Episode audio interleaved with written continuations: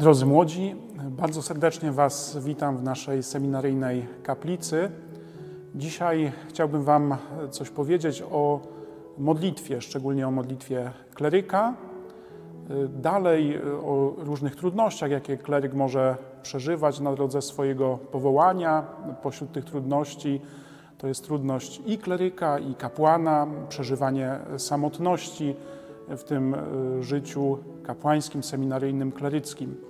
A na końcu podzielę się też jeszcze z Wami krótko świadectwem mojego przeżywania powołania. A więc zaczynamy. Mam ze sobą brewiarz, pewnie niektórzy z Was znają tę książkę. Brewiarz jest takim symbolem kapłańskiej modlitwy, ale zanim kleryk stanie się diakonem, kapłanem, zanim zostanie zobowiązany w jakiś sposób do modlitwy brewiarzowej, uczy się modlitwy w tej szkole, którą nazywamy seminarium.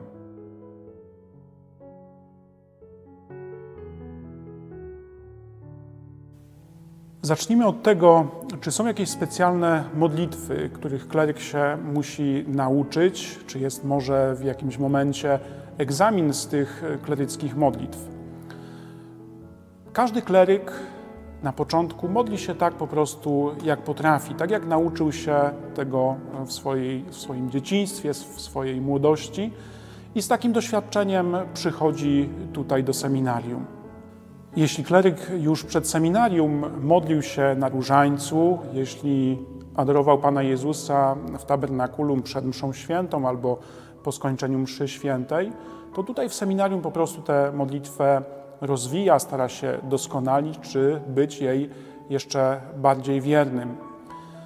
Pamiętam, że kiedy ja przyszedłem do seminarium, to po pewnym czasie się zdziwiłem, jak to jest możliwe, że w ciągu całego dnia można umieścić kilka, a czasem może nawet i kilkanaście różnych praktyk pobożnych, nie odczuwając tego, że jest ich bardzo dużo, że one zajmują wiele czasu w ciągu dnia. Gdybym miał jednak pokazać jakąś wyjątkowość, jakąś nowość tej modlitwy, której uczy się kleryk w seminarium, to powiedziałbym po pierwsze, że to jest bardziej świadome zaczerpnięcie z wielowiekowej tradycji Kościoła. Po drugie, będzie to na pewno jakaś większa stałość w modlitwie, rozwijanie tej stałości. Trzecią cechą będzie pogłębianie więzi z Panem Bogiem poprzez modlitwę. Zacznijmy od tej pierwszej, zaczerpnięcie z tradycji Kościoła. Od wieków chrześcijanie modlili się w sposób szczególny przez przeżywanie Eucharystii. A więc i tutaj kleryk uczy się ją coraz pełniej, coraz bardziej głęboko przeżywać. Jeżeli wcześniej odmawiał różaniec, to nie jest to dla niego coś nowego, ale może bardziej świadomie przeżywa tę modlitwę jako udział w modlitwie z Maryją i razem z Matką Bożą rozważa tajemnicę z życia Chrystusa. Podobnie jest z rozważaniem Słowa Bożego, Ewangelii, Pisma Świętego. Już w pierwszych wiekach chrześcijanie mieli w, swojej, w swoim zwyczaju modlitwę Słowem Bożym, które starali się zgłębiać, coraz bardziej poznawać, uczyć się na pamięć niektórych fragmentów Pisma Świętego, czy po prostu przykładać słowa Ewangelii do swojego życia, żeby to życie mogło się ewangelicznie zmieniać. Do codziennych modlitw kleryka należy też rachunek sumienia, który poznajemy nie jako formę oskarżenia siebie samego za to, co było złego w naszym życiu, ale bardziej jako doświadczenie miłosierdzia Pana Boga. Dziękujemy Mu za to, co dobre, a przepraszamy za to, co nam się nie udało. Jest jeszcze wiele innych praktyk modlitewnych seminarzysty, jak czytanie duchowne, dzień skupienia, niedzielna wigilia, ale o tych rzeczach szerzej nie będę mówił. Może niech pozostanie jakaś część tajemnicy dla tych, którzy zdecydują się na życie seminaryjne, żeby tutaj odkryć te nowe formy pobożności, nowe formy modlitwy.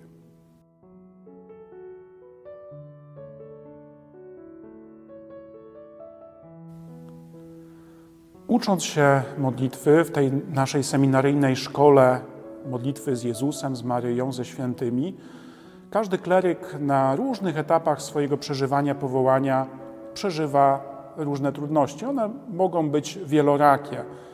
Tak jak jest wszędzie, mogą to być trudności w nauce, tak jak każdy student, y, także i kleryk może mieć takie trudności.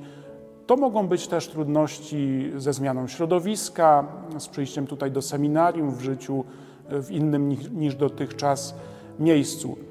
Ale według mnie nie te trudności są najpoważniejsze dla kleryka.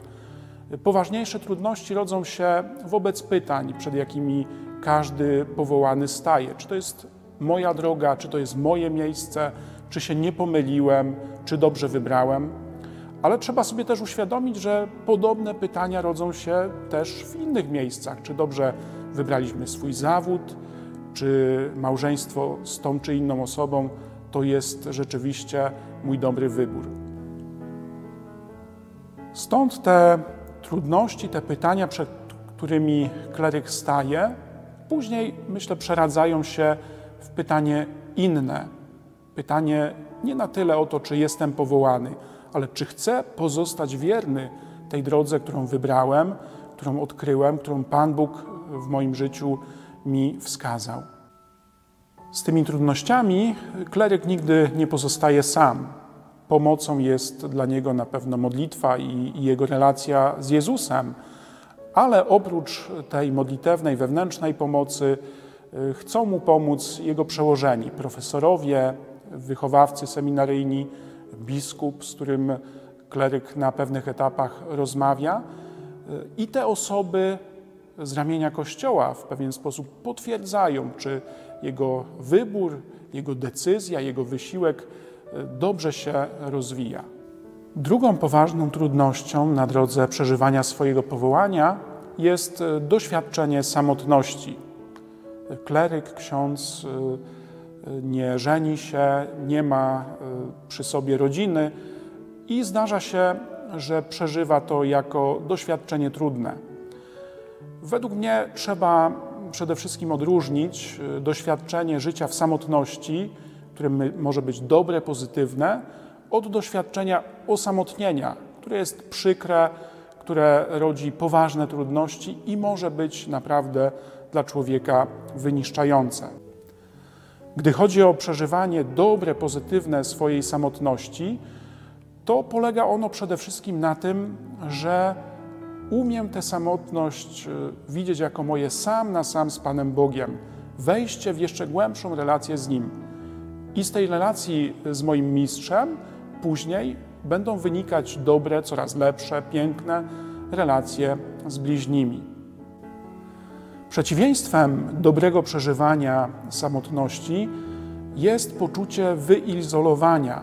Ono często prowadzi do przeżywania dużych kryzysów.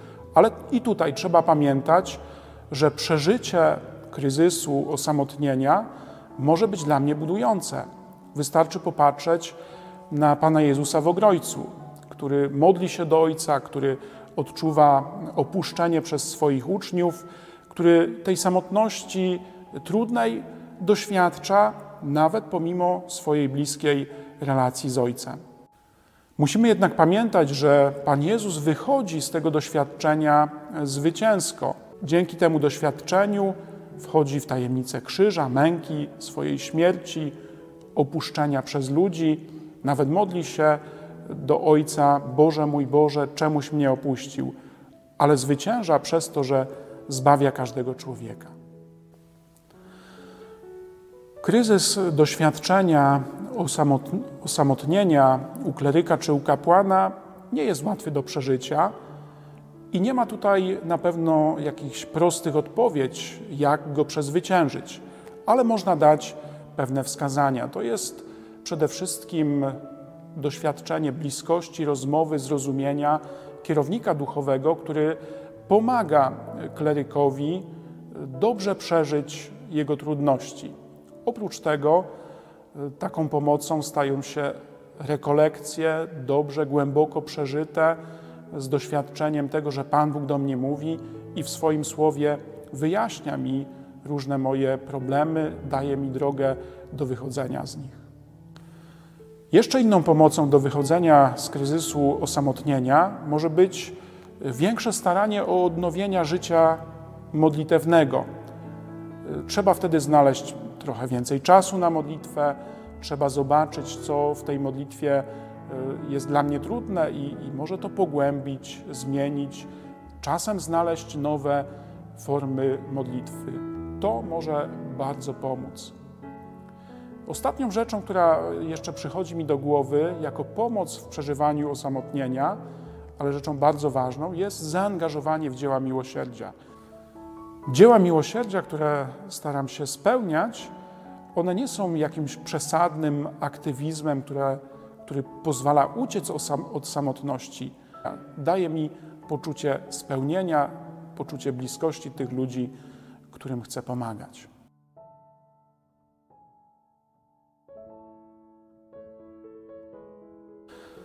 Dobrze, teraz może o tym, co jest dla mnie najcenniejsze w moim przeżywaniu powołania, ale zanim powiem o tym e, konkretnie, co dotyczy e, obecnej sytuacji, to chciałbym Wam e, powiedzieć krótko o tym, jak wzrastało, gdzie się rodziło moje powołanie. To jest przede wszystkim moja rodzina, w której otrzymałem chrzest, wiarę, która mnie nauczyła podstawowych, tych pierwszych modlitw. Obok rodziny będzie to na pewno parafia, moje zaangażowanie we wspólnotę ministrantów, gdzie uczyłem się liturgii, Eucharystii, uczestniczyłem w różnych modlitwach. I w końcu y, trzecią wspólnotą jest ruch Światło Życie. To szczególnie czas młodości, gdzie pojawiają się y, różne pytania o, o swoje życie, o swoją przyszłość, o swoje powołanie. Ruch Światło Życie, wspólnota młodych ludzi na pewno była dla mnie y, dużą pomocą. Warto tu popatrzeć na to, z jakich jesteśmy rodzin, parafii, do jakich wspólnot należymy. Czasem wydaje nam się, że może moja rodzina nie jest jakaś nadzwyczajnie pobożna, ale ona może się stać środowiskiem mojego powołania. Taką wrażliwość, jaką mi daje dzisiaj przeżywanie nawet i trudności w mojej rodzinie, może to jest okazja do tego, żeby Pan Jezus później mógł w moim życiu rozwinąć taką wrażliwość, która jest mi potrzebna do tego, aby y, być kapłanem, aby służyć innym ludziom. Podobnie jest z moim życiem w parafii, z moim zaangażowaniem w różne wspólnoty. One niekoniecznie będą idealne, ale dadzą mi tę potrzebną wrażliwość do tego, żeby posłużyć Chrystusowi w ten sposób, w jaki On sam chce. I w końcu to pytanie, co jest dzisiaj dla mnie najważniejsze w moim przeżywaniu powołania. Myślę, że jest to przede wszystkim ciągle towarzyszące mi zdumienie, że to akurat ja, że mnie Pan Bóg powołał, chociaż było może wielu innych, którzy wydawali się być lepsi ode mnie. Przyznam się Wam, że to zdumienie ciągle mi towarzyszy i ono jest dla mnie takim motorem, taką siłą, która pozwala mi trwać na drodze mojego powołania i starać, je, starać się je coraz pełniej rozwijać. Drodzy młodzi, Pan Jezus ciągle powtarza: pójdź za mną. Jeżeli słyszysz ten głos, to nie bój się za nim pójść do końca. Amen.